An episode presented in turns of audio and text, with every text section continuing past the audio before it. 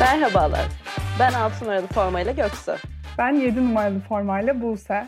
Hem kendi hikayelerimizi anlatacağımız hem de yolu sporun herhangi bir dalından geçmiş insanları konuk alacağımız 6 artı 7 podcast kanalımıza hoş geldiniz. Herkese merhabalar. Bugünkü konuğumuz 4 yaşında jimnastiğe başlayıp hayatının neredeyse tamamını sporun içerisinde geçiren, aynı zamanda hakem ve antrenörlük de yapan Miray Karanlık. Hoş geldin Miray, nasılsın? Hoş buldum, iyiyim. Siz nasılsınız? Çok teşekkür ederiz. Biz de iyiyiz. Ee, çok heyecanlıyız. Ee, bugün aslında seninle birlikte e, jimnastikten konuşacağız. Hem senin deneyimlerini e, hem de spor hayatını e, dinlemiş olacağız bugün. Dilersen ilk sorumuzla sohbetimize başlayalım. E, bize biraz kendinden bahseder misin? Neler yapıyorsun? Bahsedeyim. Ben Miray Karanlık, 24 yaşındayım. Jimnastik antrenörüyüm ve hakemiyim. İzmir Yüksek Teknoloji Enstitüsü'nde kimya bölümünde okuyorum. Son sınıfım.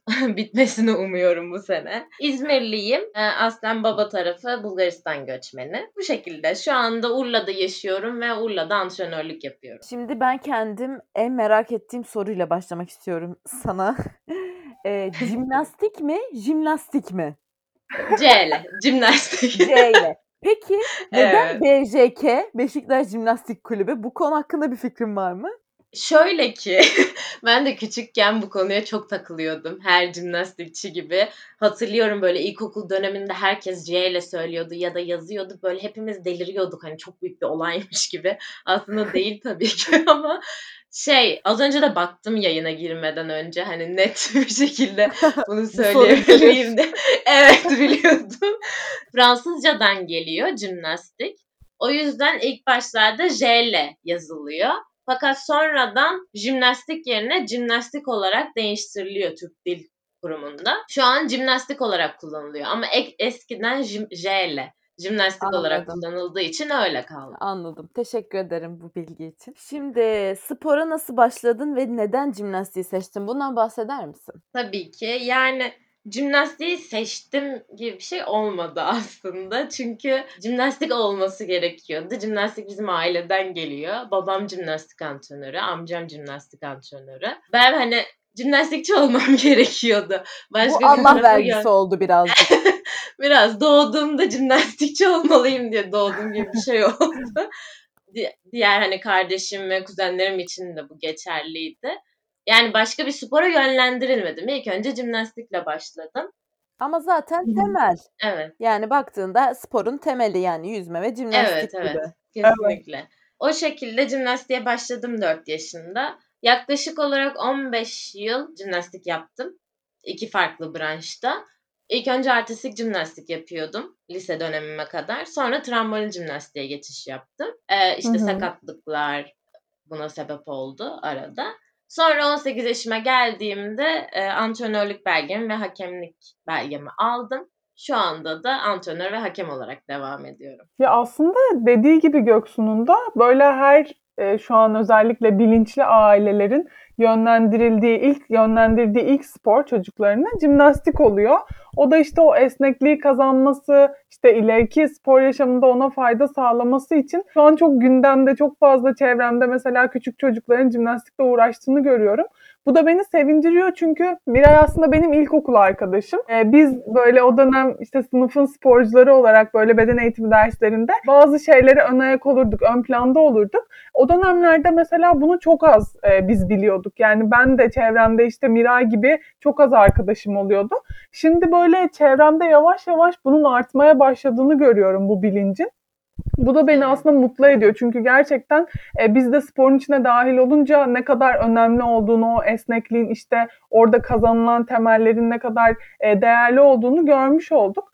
E, bu kısımda da dediğin gibi seninki biraz kader gibi olmuş ama ailenin önemi çok büyük. Yani ailenin seni doğru yönlendirmesi ve o süreç boyunca bunu seninle birlikte takip etmesi e, çok değerli. Peki e, genel olarak bu spor yaşamında e, ailenin senin spor yaşamına bakış açısı nasıl oldu? İşte jimnastikte devam ettim dedin ama bazı sakatlıklar yaşayıp örneğin şeyini değiştirmişsin. Hı hı. E, bu süreçte ailenin bakış açısı nasıl oldu senin spor yaşamına? Ya şöyle, benim babam jimnastiğe aşık biri. Aslında sağlık memuru, ikinci işi jimnastik antrenörlüğü. ama hayatı jimnastik. Kendini buna adamış durumdaydı. Ve ben de jimnastiğe başladıktan sonra çok sevdim. Hani bu zorundaydım gibi değil ama yönlendirme bu şekildeydi ve hep bu şekilde destek oldular.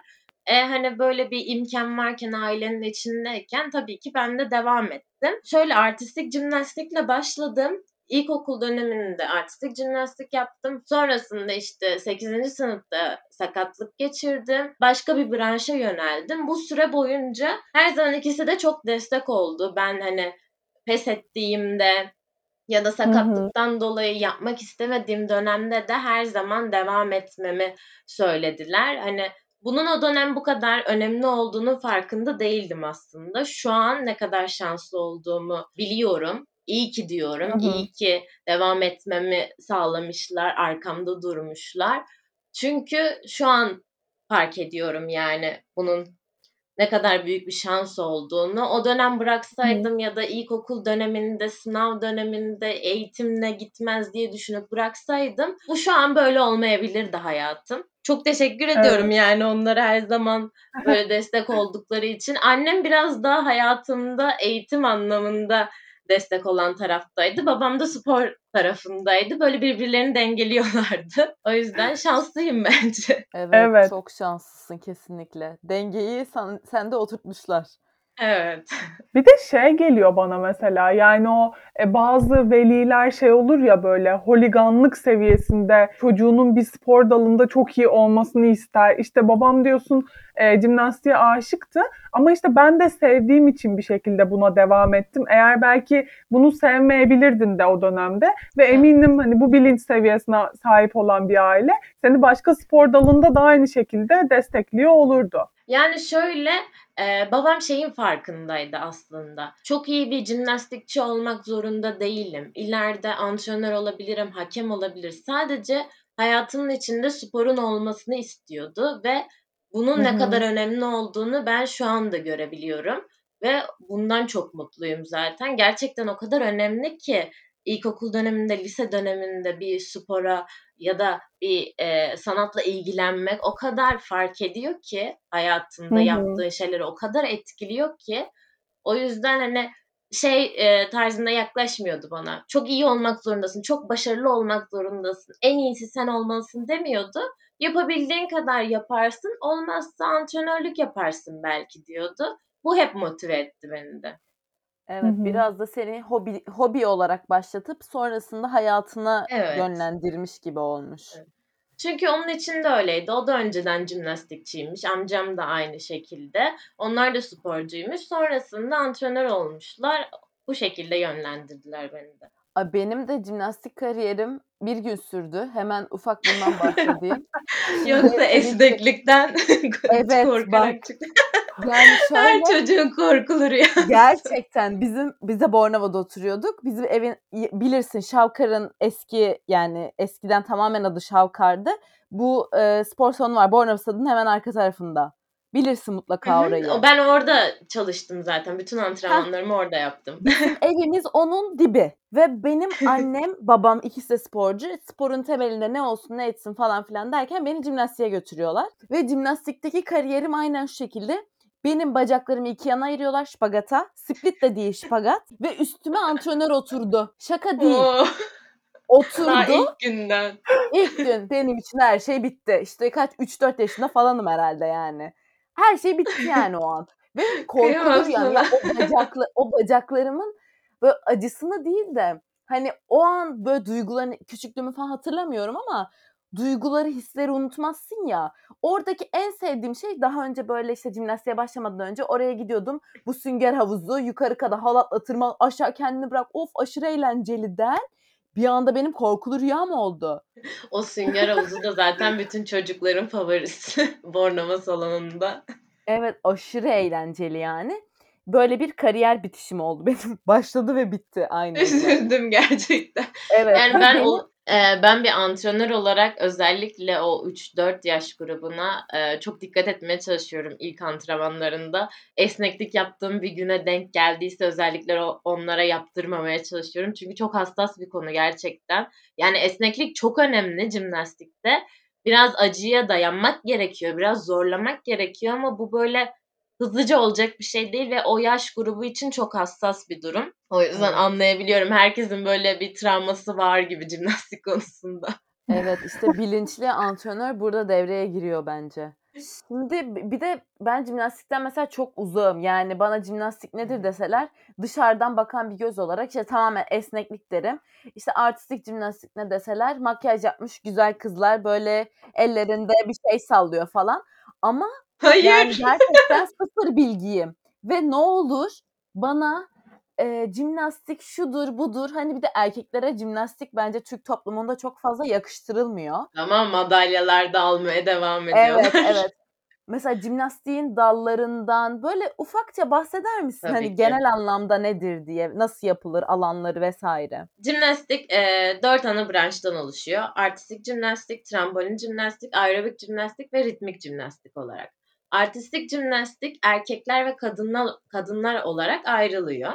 Erkekler de erkekler artistik jimnastikte altı farklı alet var. Kadınlar artistik jimnastikte dört farklı alet var. Kadınlardan örnek verecek olursam atlama, asimetri, denge ve yer olmak üzere ayrılıyor. Yer aletinde mesela müzikle birlikte bir seri hazırlıyorsunuz. Çapraz bantlarda koşarak hareketleri yapıyorsunuz ve aynı zamanda dans ediyorsunuz. Bu yer aletinin bir serisi oluyor. Denge zaten herkes görmüştür belki. Hani hayal edebiliyordur en azından. Aha. Asimetri aleti altlı üstlü e, iki bardan oluşuyor kadınlarda. E, o ikisi arasında hareketler yapılıyor ve atlama aleti de koşuyup koşup sıçramayla e, yapılıyor. Bunun dışında trambolin, aerobik ve ritmik dedik. Senin az önce anlattığın makyajlı kızlar, işte ipler, ondan sonra toplar o ritmik jimnastik oluyor. O da koreografi gibi değil mi? Evet, o da müzikle yapılıyor. Grupça da yapılabiliyor takım olarak. E, ferdi yarışmaları da oluyor. Farklı aletlerde farklı şekilde de yarışılabiliyor. İçinde ayrılıyor tek tek. Aerobik de aynı şekilde müzikle yapılıyor. Aerobik zaten biraz step aerobiye de benziyor. Bu şekilde trambolinde de ben trambolin hakemiyim. Trambolinde de 10 hareket oluyor. 10 hareketlik bir seri oluyor. Ve e, işte sporcu çıkıp o 10 hareketi yapması gerekiyor sıçrayıp. Hı. Belirli kuralları var her yaş grubuna göre bu şekilde. Bu 10 hareket zorunlu mu peki? Evet trambolinde zorunlu 10 hareket. Bu Peki, aynı zamanda saydığın- artistik jimnastikte de zorunlu 10 hareket. Bütün serilerde 10 hareket oluyor. Ha. Peki bütün bu saydığın şeylerde, branşlarda diyeyim. Doğru mu söyledim bilmiyorum. Hı hı, Branşlarda. evet e, evet. olimpiyat branş mı hepsi? Ee, şöyle ki artistik jimnastik e, ve trambolin jimnastik olimpiyat branşı. Ee, aerobik değil, ritmik de değil sanırım. Çok yanlış bir bilgi vermek istemiyorum ama artistik jimnastik ve trambolin de olimpiyat branşı olduğuna eminim. Anladım. Teşekkür ederim. Hı hı. ne demek? Ben inanılmaz keyif alıyorum izlerken Ee, ve her izlediğimde gerçekten aklımı kaybedercesine nasıl yaptıklarını gerçekten böyle hayal etmeye çalışıyorum. O konsantrasyonu, arkasındaki emeği, e, onların hepsinin böyle harmanlanmasındaki böyle ortaya çıkan güzellik falan. Yani ben gerçekten çok keyif alıyorum. Hatta böyle e, olimpiyat zamanlarında gerçekten o kanalda hep hani onları beklerim. Kim işte e, nasıl bir gösteri sergileyecek. İşte o denge tahtası benim için mesela denge hayatta yani gerçekten yapamadığım çok e, böyle üstüne düştüğüm bir şeydi. E, zaten dengesizliğim sebebiyle de sakatlandım. Ama şey yani hani müthiş bir şey ya hani onu yapabilmek gerçekten e, arkasındaki şeyi de çok iyi tahmin edebiliyorum çalışmayı. E, biz kendimizden hani bir örnek olursa düşünsene yani Göksu biz işte bir smaç tekniğini oturmak oturtmak için işte 3. sınıftan beri topu karşıya geçirmeye çalışıyoruz hani düzgün bir şekilde falan. E, bunları bir de hem belirttiğiniz tekniklerle hem işte çok böyle nizami bir şekilde yapmak bence inanılmaz bir e, çaba gerektiriyor, emek gerektiriyor. O yüzden şeyi merak ediyorum mesela hani bir antrenman günü nasıl oluyor, neler nelerle başlıyorsunuz, nasıl devam ediyor, kaç saat sürüyor? Bunlardan böyle kısacık bahsedebilir misin? Tabii ki. Yani şöyle ilk başta ben de şeyi söylemek istiyorum. Gerçekten jimnastik bence de izle özellikle artistik jimnastik izlemesi çok keyifli e, spor dallarından biri.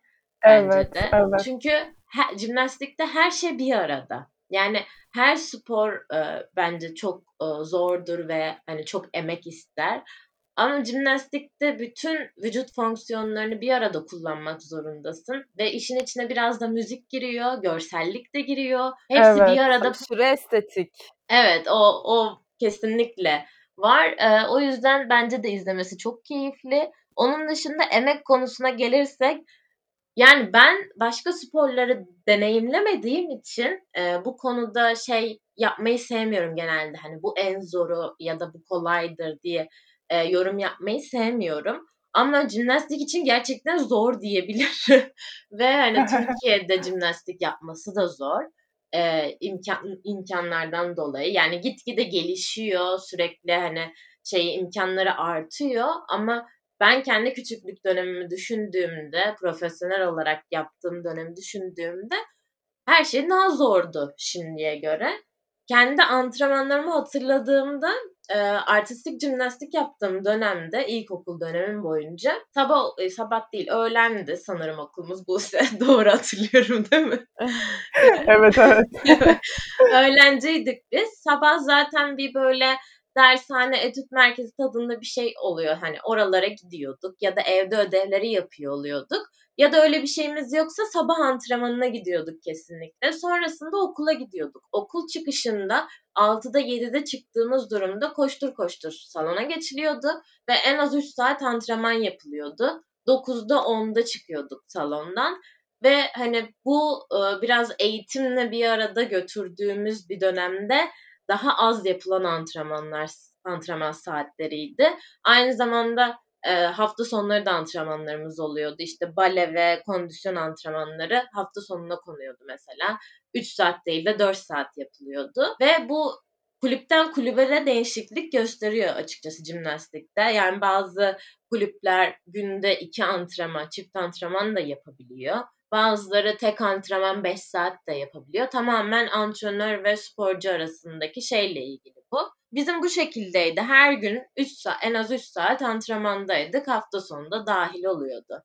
Çok koşturmacalı geçiyordu ve ilkokul dönemimde en azından hayatım sadece jimnastikti. Yani, başka spor dallarını da deneme şansım olmamıştı açıkçası. Okulda da çünkü beden eğitimi dersi oluyordu mesela. İşte, tamam, siz zaten okul adına yarışıyorsunuz, jimnastikçisiniz, tamam. Hani, yeni bir şey öğretmeye itilmedim çok fazla. Öyle bir imkânım da yoktu, zamanım da yoktu açıkçası. O Hı yüzden hı. ilkokul döneminde, hani, olabildiğince ailem şey yapmaya çalıştı beni, sosyalleştirmeye çalıştı. Halk oyunlarına gittiğim oldu, daha ilkokulun başında yüzmeye gittiğim oldu. Hani, farklı farklı şeylerle ilgilendim hep ama jimnastik hem hep ortadaydı ve en önemli şeydi. Bütün zamanımı hı. o alıyordu diyebilirim. Hadi diğer sporlarda mesela tamam ben de mesela 3. sınıfta başladım voleybola ama hani 6. 7.de 7. sınıfta da başlasam olurdu. Hani bir şekilde yine o tekniği tabii ki ne kadar erken başlarsan o kadar önemli ama hani o sporları biraz daha böyle yaşın geçse de e, yapabiliyorsun. Yani hani şey değiştirebiliyorsun, branş değiştirebiliyorsun. Bir de böyle jimnastiğin çok aşırı e, küçükken başladığın bir branş olduğunu düşünürsek ve temponun hep böyle olduğunu düşünürsek e, senin zaten belirli bir yaşa geldiğinde o oluşan disiplin inanılmaz yani. Hani sen artık o Evet. sisteme alışmışsın, vücudun buna alışmış ve vücudun inanılmaz bir forma girmiş.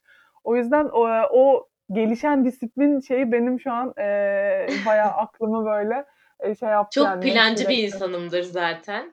Kendi Evet. karakterim de o o şekildedir ama bu, yani, bu tamamen sporun bir artısı. Sadece jimnastik de değil de sporun gerçekten böyle bir artısı var insana ve, hani, küçüklüğünden itibaren, eee, bir sporla amatör ya da profesyonel olarak hiç fark etmez, ilgilenen bir insan daha, hani, bir şeylere karşı daha güçlü, daha sorumluluk sahibi, daha hayatını yönetebilir hâlde oluyor ve bu bence en büyük artısı sporun. Hı hı. Evet, evet. Kesinlikle evet. Peki şimdi sen üniversite eğitimine devam ediyorsun. Evet. Eee, bu süreçte çok küçük yaştan beri de jimnastiğin içindesin. Eee, kısaca bir eğitim spor ilişkisini yorumlar mısın? Yani Türkiye'de sence neler değişse sporcular için hayat daha kolay olur eğitimini beraberinde götürmek adına? Şöyle ki yani ben e, sizin ilk podcast'inizi de dinledim. Eğitim ve spor e, birlikte nasıl gitmeli, nasıl gider. Amerika'daki bu senin yorumlarını da dinledim. E, mest oldum açıkçası. Çok kıskandım. Gerçekten e, çok şeyin değişmesi gerekiyor aslında. Bir şeyler de değiştirmeye çalışıyorlar. Hiçbir şey yapılmıyor değil ama e, benim hayatımda en azından eğitimle spor bir arada gitmesi gerek, gerekiyor diye gösterildi bana.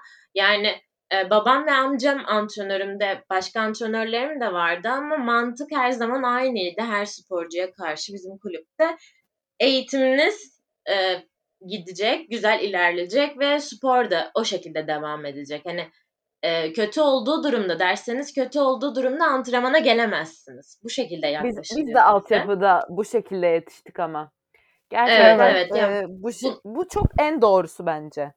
Kesinlikle böyle olması gerekiyor. Çünkü hani nasıl diyebilirim bunu? Yani bir insanın hayatında sadece bir şey olmaması gerekiyor. Bu spor için de geçerli, eğitim için de geçerli. Sadece bir noktaya yönelmemeli insan ve bir şeyi iyi yapıyor diye veya çok zaman harcıyor diye diğer şeylerden uzak kalmamalı ve bu eğitim de çok önemli bir nokta.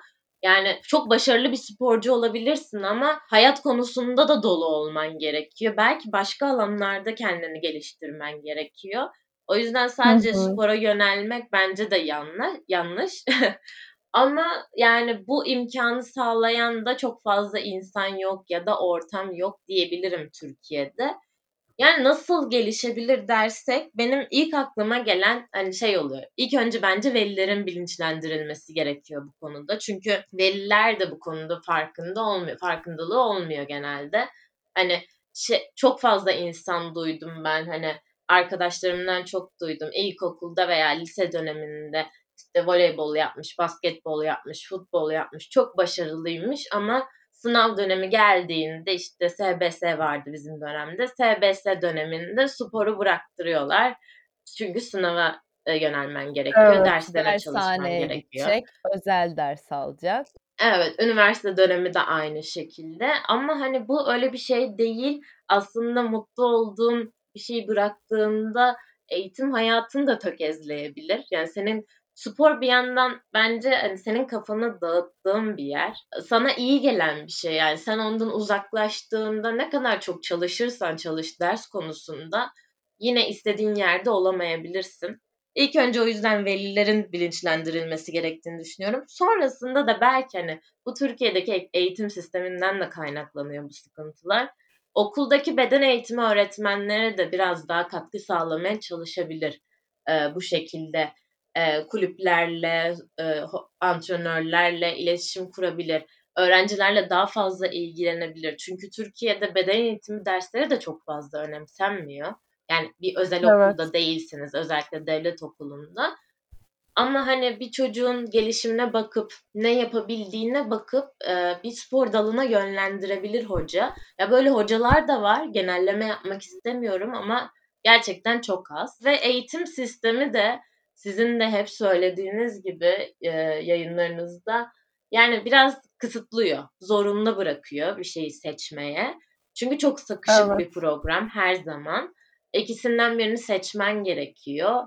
Ama buna nasıl bir çözüm bulabiliriz bilmiyorum. Ya sana şu an o kadar çok katılıyorum ki beden eğitimi dersleri e, yaş gruplarına böldüğün zaman mesela birinci sınıflar, ikinci, üçüncü sınıflar evet beden eğitimi dersi yapıyor. Onlar için eğlence, koşturma vesaire zaten oyun Tabii. çocuğu. Ama daha Tabii. büyüdükçe 6. 7. 8. sınıftakiler hocam test çözebilir miyiz? Yani ben bir beden Kesinlikle. eğitimi öğretmeni olsam bana bu soru yöneltirse ben çok sinirlenirim. Mesela Kesinlikle. matematik dersinde de bir öğrenci gidip diyor hocam top oynayabilir miyiz? Dalga geçerler. Suratına gül sen evet. dalga mı geçiyorsun derler yani. E beden eğitimi dersinde sen nasıl bunu yapabiliyorsun? Evet, maalesef ki öğretmenler buna izin veriyor yani. Hani evet. öğrencilere fırsat veriliyor bu konuda. Ya Ve iki ders ya, iki ders. Eğitim sistemi de şey modunda ya zaten tamamen hani sayısal dersleri çalışmanız gerekiyor ya da kitap okumanız gerekiyor. Türkçe çalışmanız Aynen gerekiyor. Öyle. Bu şekilde ilerlediği için ya biraz iki ders gerçekten ya, mecbur bırakılıyor. Beden eğitimi bir ders, iki ders. Bizim zamanımızda iki dersti. Şu an nasıl bilmiyorum gerçi de.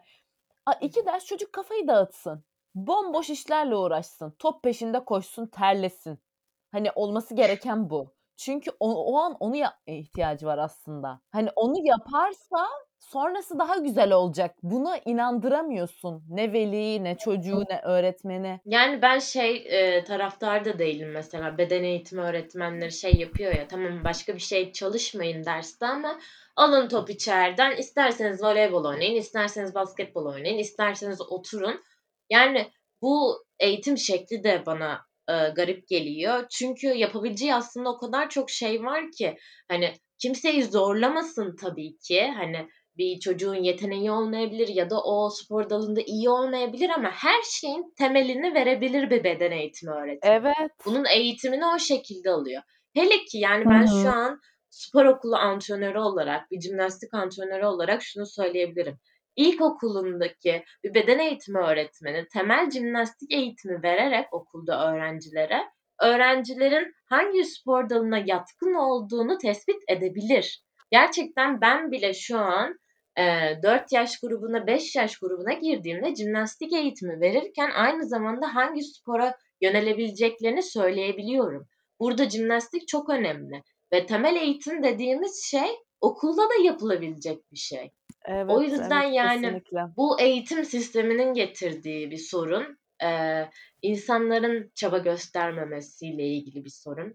u- uğraşmak istememesiyle ilgili bir sorun. Hı Ama hı. çok büyük bir sorun gerçekten. Hele Evet. profesyonel anlamda spora yöneldiğinde insan bunun daha büyük sıkıntılarını yaşıyor. Evet. Ya bence e, ilk söylediğin gibi veliler yani aileler e, çok önemli. Yani bence hatta e, her şeyin başladığı yer aile diyorlar ya kesinlikle katılıyorum.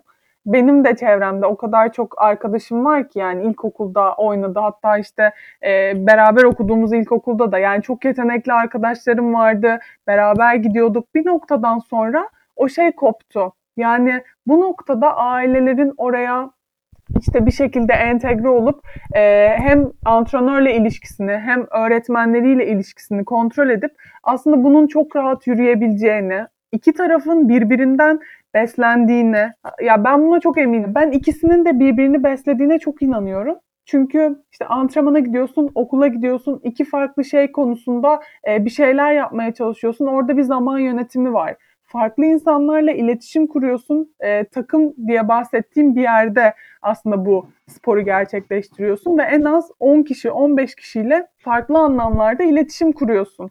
Ve bu tamamen okulunda tanıştığın sınıf arkadaşlarından farklı. Sen orada nasıl konuşman gerektiğini de öğreniyorsun. İşte fiziksel olarak zaten kendine çok fazla şey katıyorsun. Bunu hiç konuşmuyorum. Ama okulla spor aslında birbirinden farklı, çok farklı iki şey değil. Aslında birbirini besleyen iki şey. Ve bunu tamamen birbirine zıt gibi gösterdikleri için veliler çok mesafeli, öğretmenler spora karşı çok mesafeli. Ben şeyi çok net hatırlıyorum. Ya benim ilkokul öğretmenlerim işte benim biraz böyle notlarım işte aman bir, birinden 5 değil de 4 aldım. Aman işte bu sporu bir bıraksa mı? Artık SBS yaklaştı bir bıraksa bence falan. Hani bunu öğretmenim söylüyor anneme. Evet bu çok üzücü bir şey gerçekten. Evet ya öğretmenler de çok mesafeli. Yani beden eğitimi öğretmenlerinin buradaki e, sorumluluğu, rolü bence çok büyük. Yüreklendirme açısından belki velileri. E, ama iki tarafın koordine gittiğinde ben inanmıyorum ki hani böyle bir e, sorun olarak görülsün. Yani tamamen aslında çocukların hem bilişsel hem fiziksel olarak sağlıklı bir birey haline dönüşmesi için ikisinin koordine bir şekilde ilerlemesi çok e, önemli bir şey. E, bunu da dediğin gibi işte ilk ailede başlıyor. Daha sonra o e, küme büyüyerek içeriye öğretmenler, antrenörler dahil oluyor. Ama bu süreci yönetmek küçükken maalesef biz o etkinlikte olmadığımız için aileye düşüyor bence de. Aslında bu kısımda sana antrenörlerle alakalı bir soru soracaktım. Yani bireysel de bir spor yaptığın için o antrenörlerle e, farklı bir bağ kuruyorsun. E, ve oradaki bağ da aslında e, çok kuvvetli oluyor. Yani ailenden biri gibi oluyor antrenörler ama senin farklı bir aslında e, antrenörlük ilişkin var. Çünkü dediğin gibi baban ve amcan senin aynı zamanda antrenörlüğünü yapmış çok uzun dönemler. E, o ilişkiyi nasıl yönettiniz mesela? Ben şu an küçük bir hayal ettim de pek e, olmadı mesela bende. Bende nasıl devam etti o? Ee, küçükken mesela bu olumsuz bir şeymiş gibi geliyordu. Çünkü sıkıntılarını yaşadım belirli yerlerde, yarışmalarda, jimnastik camiasının içinde, evde. Çünkü hani jimnastik yapıyorum, eve gidiyorum, evde jimnastik konuşuluyor. Ondan sonra hani e, yarışmaya gidiyorum, herkesin böyle gözü bende oluyor. Aman hani şu hocanın kızı, aman şu hocanın yeğeni. Hani en iyisi olmak zorundaymışım gibi bir baskı oluyordu. Ya da babamla amcam antrenörümken e, şey durumu çok fazla oluyordu. Aman ayrımcılık yapılıyor gibi olmasın. Hani biz kayırıyor gibi Hı hı. olmayalım. O yüzden bana daha Evet. fazla yükleniliyordu. Bunun çok sıkıntılarını yaşadım küçükken açıkçası. Yani hani antrenmanlardan kovulduğum oldu, çok ağladığım oldu. Biraz katı yetiştirildim bu konuda.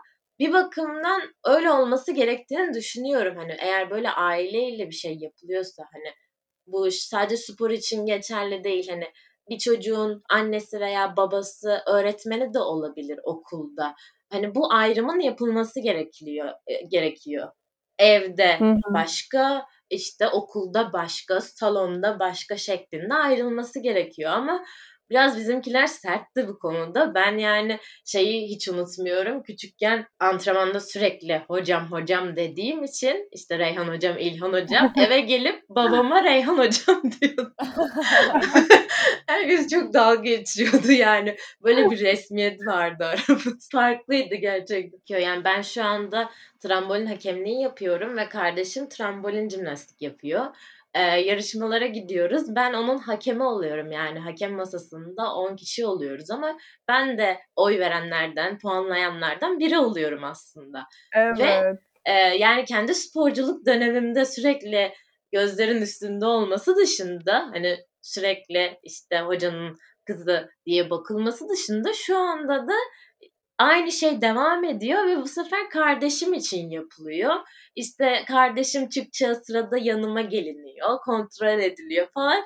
Çok hoşlandığım durumlar değil çünkü hiç sevmem şey Evet. e, böyle ayrım yapmayı. Çünkü ben biliyorum o sporcuların yaşadıklarını, ben yaşadım bunları yani bu Evet. şekilde verilen emeği biliyorum. O yüzden kimsenin hakkını yemek istemem. Böyle bir şey yapmak da Kesinlikle. hiç etik bir durum değil zaten. Peki sen şu an antrenörlük yapıyorsun, hakemlik yapıyorsun. Aynı zamanda Evet. üniversite okuyorsun. Peki kariyer hedeflerin neler? Bir de şu an mesela hangi kulüpte antrenörlük yapıyorsun? Şu an ya Urla'da bir kulüpte çalışıyorum. Urla'da yaşadığım için. Ondan önce iz geçen sene İzmir'de bir kulüpte çalışıyordum. Aynı zamanda kendi kulübümüzde de e, babamlara yardımcı oluyorum. Ama İzmir'e gidip gelmem yani hani İzmir merkezine en azından.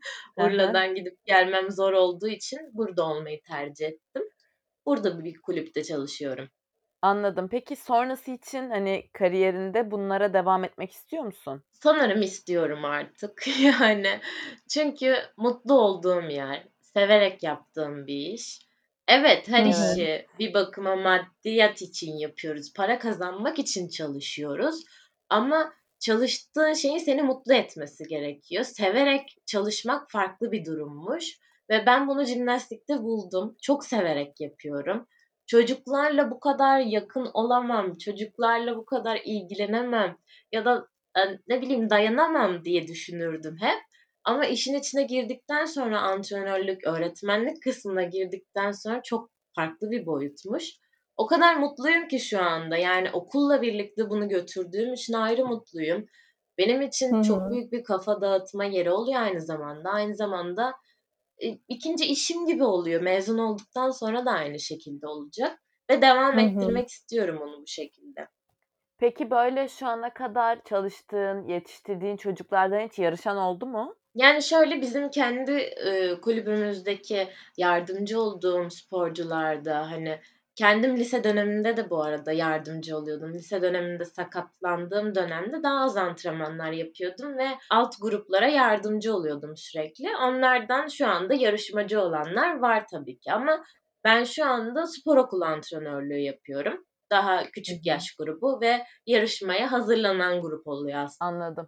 Yani böyle şeyi merak ettim. Hani sana gelip de "Ay, Miray abla teşekkür ederim hani ya da hocam teşekkür ederim ya senin sayende şunu yaptım cümlesini duyduğunda ne hissettiğini merak ettim aslında. Açıkçası duydum ama Miray abla olarak duydum. Çünkü gerçekten o yardımcı olduğum dönemde e, kulüp içindeki diğer gruplara yardımcı olduğum dönemde benden birkaç e, yaş küçük e, sporculardı ve yarışmalardaki desteğim, antrenmanlardaki desteğim, aynı zamanda antrenörlüğü ve hakemliği aldıktan sonraki yardımlarımla çok fazla bu cümleyi duydum. O kadar duygusal oluyor ki yani şu an tam olarak anlatabilir miyim bilmiyorum ama çok ağladığım oldu onların ya. yarışma anında. Evet yani böyle e, hakemken bile hani dikkat etmeye çalışıyorum. Hiç mimik oynatmamaya çalışıyorum ama içim kıpır kıpır oluyor onlar bir şeyi başardığında çok farklı bir his gerçekten. Yardımcı olup onların başarılarını görebilmek. Yani tüm bu işte 4 yaşından itibaren başladığın spor hayatında eminim iyi kötü birçok olayla karşılaşmışsındır. E, ve bu da aslında seni her iyi olay gibi her kötü olay da birçok şey öğretmiştir ama bu özellikle zor zamanlarını işte örnek verdiğin gibi sakatlığın olabilir, işte e, başarısızlıkların olabilir. Bu dönemleri atlatma yöntemin nasıl oldu? Yani bu zor süreçlerde hiç yeter artık dediğin anlar oldu mu mesela? Bunları da merak ediyorum. Özellikle lise dönemimde çok oldu yeter dediğim. Çünkü artistik jimnastikten trambolin branşına geçtim ki bu arada bizim küçüklüğümüzde iki farklı branşta lisans çıkarılabiliyordu ve Türkiye'ye trambolin jimnastik geldiğinde biz aslında iki branşta da yarışmaya başlamıştık. Ana branşımız artistik jimnastikti. Lisede tamamen tramboline geçtim ve o dönemde ben milli e, artistik jimnastiğin son döneminde milli takım yarışmasında bir sakatlık e, yaşadım. Yani seçme yarışmasında yaşadım. E, bütün hayaller iptal oldu bir anda ve 8. sınıftaydım. Yarışma anında bunun yaşaması, o hayal kırıklığı, sonra devam eden süreç ve hiç geçmeyen hala e, sıkıntısını çektiğim bir sakatlık bu. Sonrasında işte branş değiştirdim ve bu sefer de yeni e, planlar, yeni hayaller başladı. Yine milli takım amacıyla yola çıktık. Orada da terslikler oldu.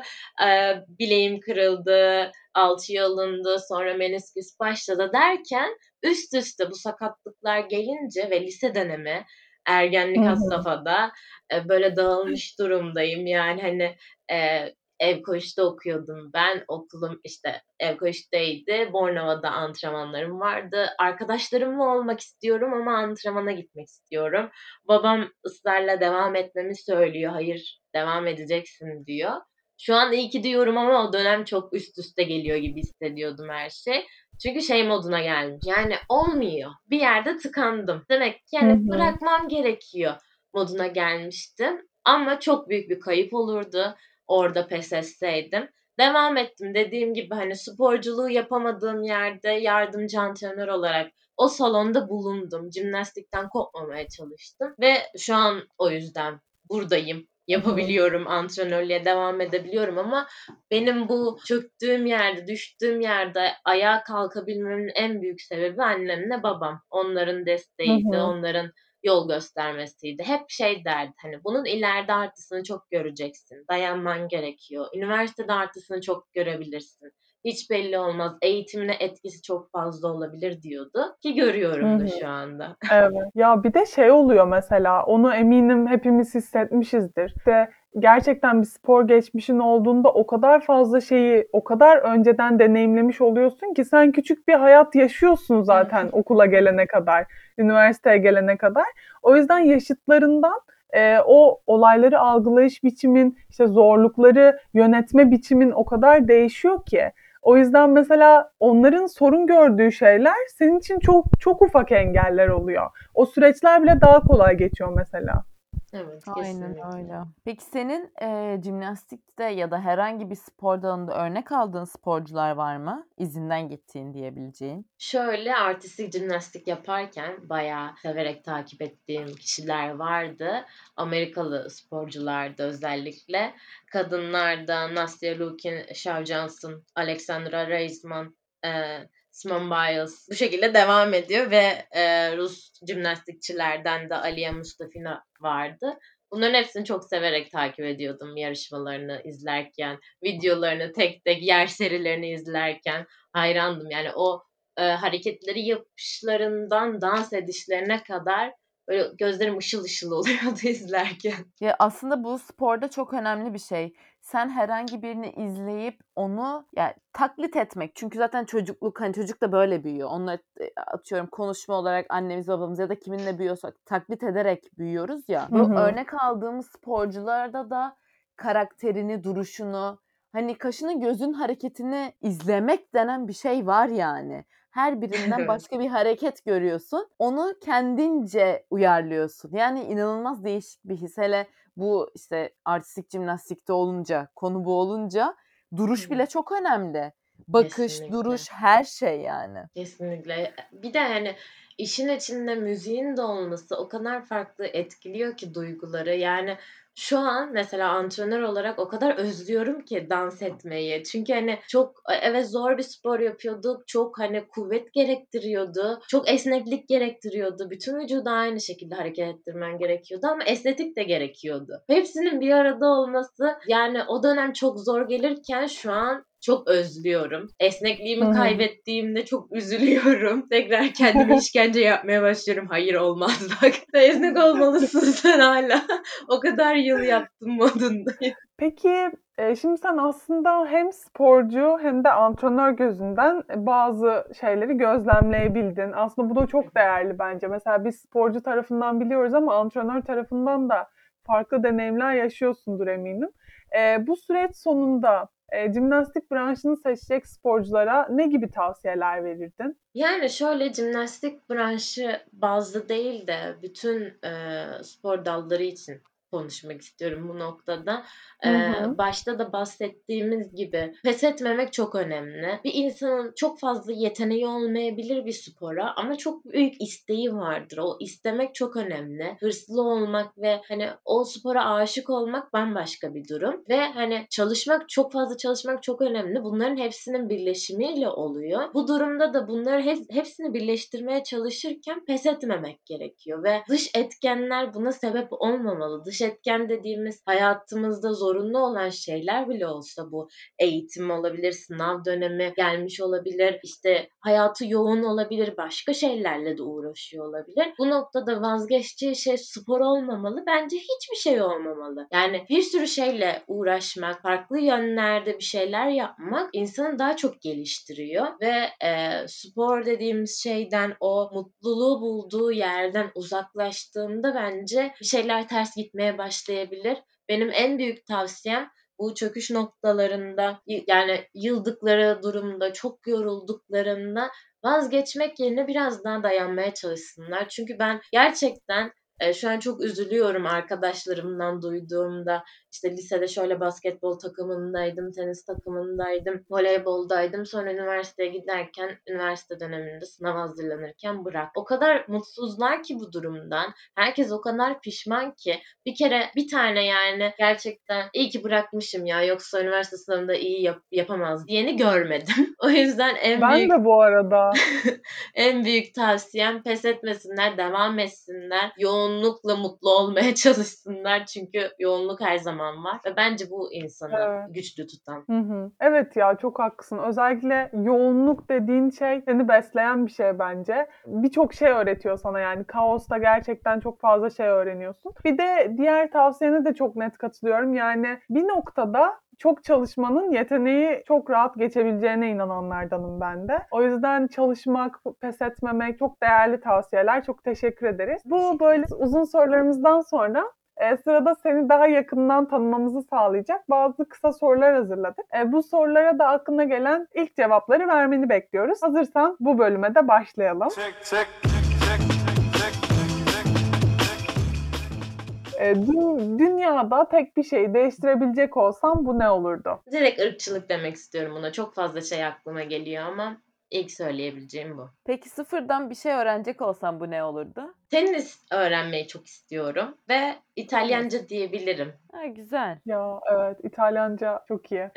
Seni en çok heyecanlandıran şey? En çok heyecanlandıran şey gün batımı izlemek. Vay be çok sevdim Tabii bu cevabı. Çok ya bay- bayılıyorum. Gerçekten çok ağlamışlığım var gün batımı izlerken. Sadece güzelliğe bakıp böyle biraz arkadaşlarım manyak mısın kafayı mı yedin diyor. Çok hassasım. Ama çok güzel cevap bence. Peki tek bir şehir seçecek olsan? İşte bu nokta çok yani İzmirli olduğum için çok mutluyum. İyi ki İzmirliyim. Ama İstanbul'a aşığıydım uzun süre. Tabii bu aşkımın gidip gezdiğim noktada bitebileceğini düşünüyorum. Yani İzmir Hiç diyorum. gezdin mi? Peki hiç gezdin mi İki- İstanbul'u? İki kere gitme fırsatım oldu yarışmadan dolayı ama ge- gezme gibi değil yani. Bir kız kulesini gördüm o kadar. Hala Artık o şeyim sen de göremiyorsun yok. Kaldırdılar. Evet yani Türkiye için o yüzden İzmir diyorum İstanbul'u deneyimleyemediğim için. Ama bu, bu soruda direkt aklıma şey geldi. Viyana. Yani ben mest oldum. Viyana'ya gitme şansım oldu ve insanların yaşam tarzına, mutluluğuna, huzuruna mest oldum. Şehre de ayrı bayıldım. O yüzden Hı hı. Viyana'da olabilir cevabı. Ay ben çok merak ediyorum ve benim şu an Viyana biletim var. Peki en son öğrendiğin şey nedir? şöyle diyebilirim. Yani geleceğe yönelik düşünürken, planlama yaparken biraz e, açık açık kapı bırakmak gerektiğini düşünüyorum artık. Çünkü gerçekler hayaller gibi olmuyor. Hayatın ne getireceğini bilemiyoruz. İnsanlar değişebiliyor, istekleri değişebiliyor, ihtiyaçları değişebiliyor ve bu durumda hem kendimize hem insanlara karşı hayal kırıklığına uğramamak için biraz daha adım adım yaklaşmak gerekiyor bence. Hani bir hafta Evet, sonrasına esnek ya da olmak bir yıl lazım. sonrasına. Evet, kesinlikle. En sevdiğin restoran nedir? Yani isim de verebilirim bunu. Ya, isim de verebilirsin, restoran türü de söyleyebilirsin. Tür olarak direkt aklıma böyle deniz kenarında canlı müzik olan bir yer geliyor. Yani her zaman Deniz benim altı, için çok... deniz atı. E, Orayı çok sevmem ya. Yok. Ama böyle deniz kenarında yemek yemek ya da kahve içebilmek her zaman çok mutlu etmiştir beni. Bir de canlı müziğe bayılırım. Onun dışında ama bu söyleyeceğim yerler aslında İzmir'deki yerler hani bu verdiğim örneğe pek uymuyor. şey Rast Bira Bahçesi'ne bayılıyorum Karşıyaka'daki. Açık bir alanı Aa, var, evet. bahçesi var ve etkinlikleri de çok güzel oluyor. Onun dışında restoran olarak da La Sigal geldi aklıma. Alsancak'taki. Ha. Orası da çok şık ve Evet. çok lezzetli yemekleri. Oraya da bayılıyorum. Evet, İzmirlilik ya. Evet. Güzel olmayan yeri yok. Peki aldığın en garip iltifat nedir? Bunu gerçekten jimnastikten konuşurken bu geldi aklıma. Yani böyle insanlar jimnastikçi olduğumu duyduğunda antrenör olduğumu duyduklarında bile şey tepkisini alıyorum sürekli. Sen esneksin de şimdi ne güzel ya. yani hani ne diyeceğimi şaşırıyorum öyle hani. Yani bu çok önemli bir şey mi? Hani aslında o kadar da esnek değilim eskiye göre ama. Yani bir garip bir şey övgü bence. Zaman senin için en yavaş nerede geçiyor? Şöyle diyebilirim. Boş durmayı hiç sevmiyorum. O yüzden bir planımın olmadığı, bir işimin olmadığı an benim için çok yavaş ilerliyor. Yani bu bütün günü de kapsayabilir. Mesela Hı hı. hiçbir planım yoksa, e, kafamda bir şey yapmadıysam ertesi güne ya da bir sonraki güne, tamamen boşsa o günüm, ben bütün gün dizi izleyeyim benim için o kadar yavaş ilerliyor ki ve o kadar batıyor ki o gün. Gerçekten hiç sevmiyorum boş olmayı. Evet ya, ben de. Peki en kötü yiyecek kombinasyonu sence nedir? Ay bunda linç yiyebilirim ya.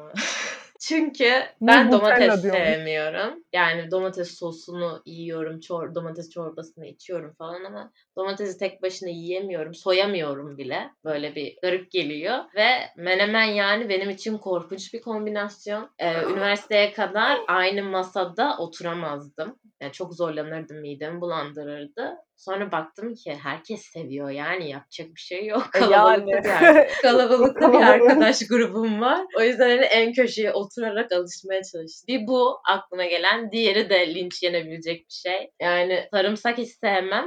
Özellikle yoğurtlu şeylerin içinde o da çok midemi kaldırıyor. Duymayı en sevdiğin kelime. Helal olsun. Sonra da e, şey sanırım. Yorulmuyor musun ya? Neyse her şeye yetişiyorsun ama helal olsun valla. Ya böyle şey oluyorum arkasında. Ha, ilk mutlu oluyorum. Sonra diyorum ki evet yoruluyorum. Ondan sonra sonra diyorum ki insanlar yorulduğumu görüyor. Ne yaptığımı görüyor. Hani doğru bir yoldayım. Hani yoruluyorum ama Hı hı. takdir ediliyorum. Bu durumu seviyorum. Ee, peki yüzünü her zaman gülümseten şey nedir? Ay, çok fazla gülüyorum ben. Yani gülmediğim şey çok az ya gerçekten. Miray hatırlıyorum bu arada. Ya ilkokulda da öyle miydim? Ben çok hatırlamıyorum artık. Evet hep hep gülerdin yani. Buse seni zaten bana gülen kız diye tanıttı. Şaka yapıyorum ya. Şaka yapıyorum. çok e, gülme krizlerine de girerim. Olmadık yerde de gülerim. E, Gülmekten konuşamam da çoğu yerde. Sen de gülerken ağlayanlardan mısın? Evet evet kesinlikle sürekli. En sevdiğim insan tipi. Evet, o yüzden çok az gülmediğim an gerçekten. Ama böyle tem- tebessüm etme, mutlu etme anlamında şey geldi aklıma. Yani kendimle ilgili bahsettiğim bir şeyi karşı taraftaki başka bir zamanda hatırlayıp bana söylediğinde iyi bir anlamda ya da e, o şekilde hareket ettiğinde çok mutlu oluyorum. Hani diyorum ki gerçekten içten dinlemiş, hani önem veriyor benim anlattıklarıma. Bu ekstra mutlu ediyor beni. Evet bu sorumuzla birlikte bu bölümümüzün de sonuna geliyoruz. Ee, Miray çok teşekkür ederiz katıldığın ve spor yaşamını bizimle paylaştığın için. Umarım jimnastik hakkında bilgi sahibi olmak isteyen herkes de bu bölüme ulaşır. Umarım. Çok teşekkür ederim beni davet ettiğiniz için. Çok güzel bir yayındı. Çok heyecanlıydım. Hem jimnastik hakkında konuşacağım diye hem de yani aslında tecrübeliydim yayın konusunda ama bilmiyorum konuk olmak çok farklı bir hismiş. Çok teşekkür ederim. Biz teşekkür ederiz. Biz teşekkür ederiz. Çok güzel bir yayındı gerçekten. Bu bölümde de bizimle olduğunuz için çok teşekkür ederiz. Yeni bölümümüzde farklı spor dallarıyla karşınızda olmaya devam edeceğiz. Bölümlerden haberdar olmak için bizi takip etmeyi unutmayın. Yeni bölümlerde görüşmek üzere. Hoşçakalın.